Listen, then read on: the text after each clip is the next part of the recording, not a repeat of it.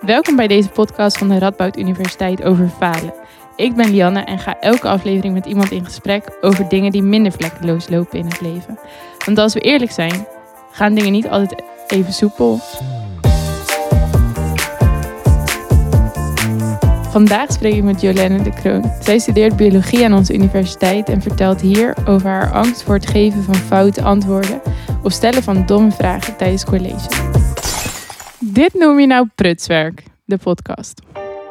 Hey Jolene, welkom. Tof dat je hier je verhaal wilt delen op deze podcast. Bedankt dat ik hier mag zijn. Ja, cool. Wil je even kort iets over jezelf vertellen? Ja, tuurlijk. Ehm, ik ben uh, ja, Jolen. Ik uh, studeer biologie. Uh, en binnen, daar, binnen deze studie doe ik mens en klimaat. Um, ik zing, zing, in een band. Cool. En ik heb twee ratten als huisdier. Oh, dat vind ik echt heel tof. Man. En uh, hoe heten ze? Ze heten ramen en noedels. Wauw. hoe ben je daarop gekomen? Um, ja, weet ik eigenlijk niet. Volgens mij was ik gewoon een keertje noedels aan het eten. En toen uh, schoot het met de winnen van... Oh, dit kan ik gebruiken als naam. Geniaal. Echt leuk. Super tof. Oh, dat hoor je echt helemaal nooit. Wat leuk. Dankjewel. Ja. En uh, even een uh, warming-upje. Mm -hmm. Heb je nog een klein prutsverhaaltje? Ik heb vast wel een klein prutsverhaaltje. Ik zal even denken. Um, ja, van, vanochtend toen uh, wilde ik dus uh, wat voorgeven aan mijn ratten. En uh, toen had ik een zak, een hele grote zak met gedroogde meelwormen. Het klinkt heel vies, maar zij vinden het heel lekker. En ja, die liet ik toen op de grond vallen. Nee. Dus toen uh, had ik een hele mooie vlek met uh, gedroogde meelwormen op mijn grond. Eeuw, bah. Ik vind dat er echt zo ranzig uitzien. Ja, het was geen mooi plaatje. Nee. nee. Oh man, jakkie. Nee, dat is echt uh, niet relaxed. Nee. Nee. Um, maar Lianne, ja? heb jij nou ook een prutswerkje? Oh, ja. Nou, wel gewoon even redelijk standaard, maar was een beetje een wake-up wake up call bij de fietsenmaker. Want ik had echt een mega platte band. En toen moest ik dus echt zo fietsen. Oh nee, ik moest lopen met de fiets. Mhm. Soort aan mijn hand. En het was ver lopen. En toen kwam ik daar. Toen was hij super plat. En toen zei hij gelijk, je moet ook helemaal niet door glas rijden. Dat is een goede tip. Ja, thanks. Ja, dat doe ik ook echt expres. Maar Mm. oké, hij Ja. doet het weer nu. Ik ben hier ook weer op de fiets Gelukkig. gekomen, dus dat is wel chill. Ja. En ehm, dit waren even de voorberei- voorbereidende prutswerkjes. Mhm. Maar ehm, als je nu ehm, denkt aan een wat groter verhaal, want je zit hier natuurlijk om een eh, verhaal te delen Mhm. waar je ja, tegenaan loopt. Wat is precies hetgene waar je tegenaan loopt?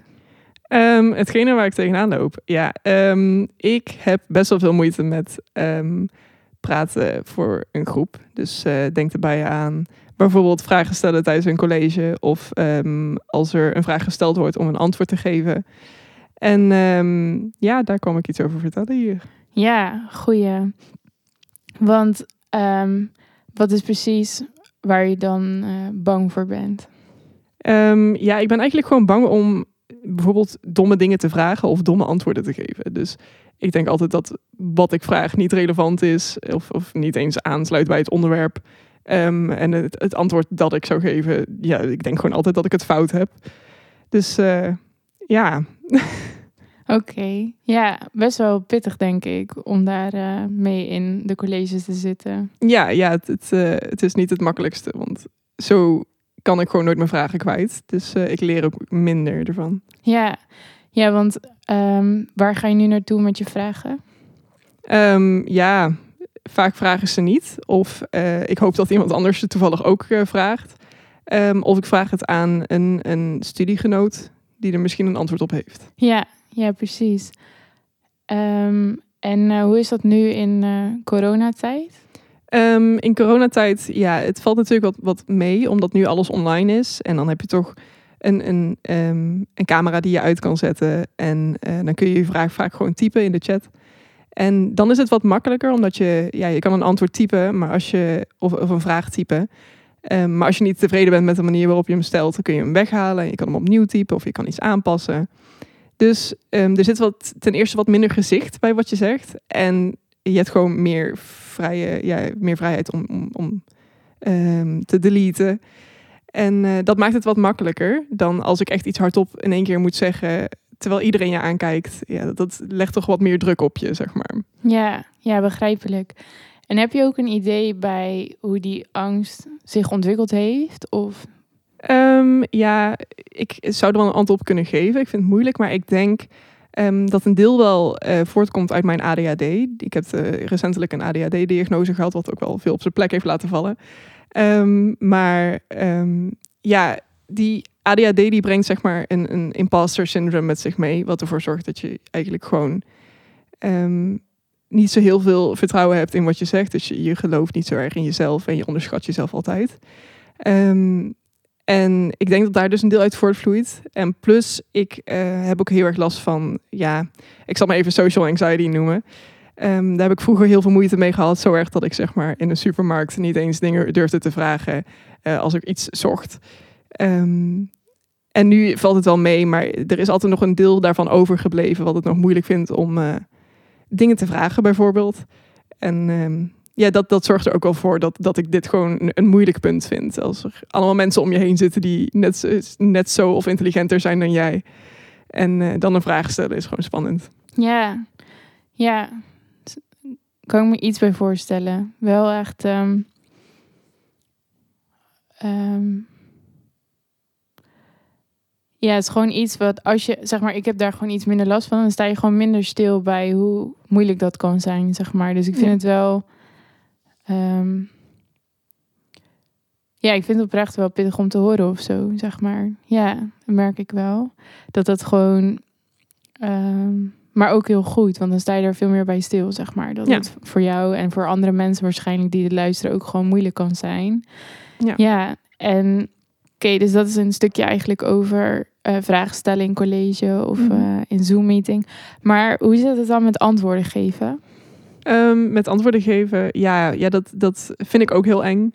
Um, maar ik moet wel zeggen dat als je daar een negatieve ervaring mee hebt, dus stel je geeft een keer een, fout antwoord, dan, is, dan merk je dat, dat dat veel minder lang bij je blijft dan dat je vooraf denkt dat het, dat het gaat zijn.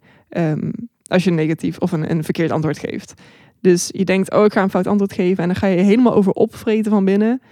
En ja, dan word je helemaal zenuwachtig. En dan zeg je het en dan is het fout. En dan, eh, denk, dan, dan is het fout. Ja, en dan? Dus uh, dan krijg je de feedback. Ja, dat was niet het goede antwoord. En dan overleef je dat ook wel weer.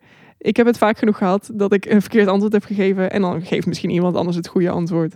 Dan denk je, ah, dat had ik moeten zeggen. Ja, dat klopt. Maar uiteindelijk, na de hand is het altijd, ja, oké. En dan lig je er ook niet meer dagen van wakker. Dus het, het, is uiteindelijk altijd minder erg dan dat je verwacht dat het gaat zijn. Ja, ja dus je angst is eigenlijk groter voor wat er zou kunnen gebeuren dan wat er daadwerkelijk gebeurt. Ja, precies. Ja. Ja. ja. Oké, dat is ook wel gewoon waardevol om te weten voor jezelf natuurlijk. Ja. Dat je dat mee kan nemen naar de eerstvolgende keer. Dat Precies, ja. Je moet het wel onthouden voor de volgende keer. Dat je dat dan ook weet van oké, het valt allemaal wel mee. Ja, ja, exact. Um, het klinkt wel alsof je al een bepaalde ontwikkeling erin hebt uh, doorgemaakt, zeg maar. Dat als je mhm.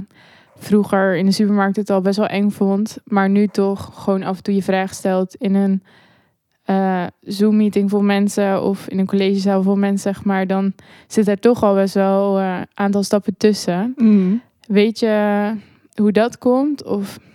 Um, ja, het zou kunnen omdat ik gewoon wel een beetje mezelf heb aangeleerd om vaker uit je comfortzone te stappen.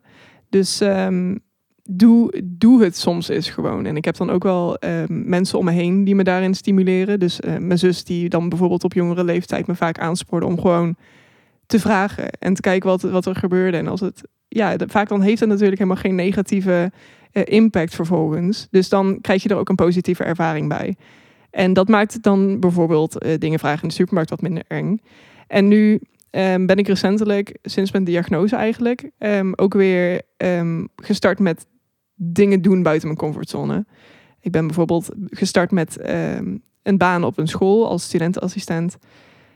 of uh, docent-assistent. En uh, daar, daarin sta ik vaak voor een, uh, een volle klas met VMBO'ers. Nou ja, dan moet je ook best wel wat zelfvertrouwen hebben. Zeg dat, zeker. Ja. Um, om die ook allemaal mooi be bezig te houden, zeg maar. Dus um, in eerste instantie dacht ik ook dat ik dat niet, niet kon of niet durfde. En toen dacht ik, weet je, ik ga het gewoon doen. En dat heb ik nou drie dagen gedaan. En toen ging het al een stuk beter. Toen was er al uh, zeker uh, improvement te zien, zeg maar. Oh, cool. Dus um, ja, gewoon vaker buiten mijn comfortzone gestapt. En dan leer je steeds meer met dingen omgaan. En ja, dat, dat, is, dat is helpend. Ja, wat mooi. Ja. Super gaaf om, uh, om te horen. En ik denk ook voor jezelf echt goed om te zien. Dat je mm, ja. daarin gewoon groeit. En... Um, wat ik trouwens nog wel interessant vond, je noemde van uh, dat je in een band zit. Mm -hmm.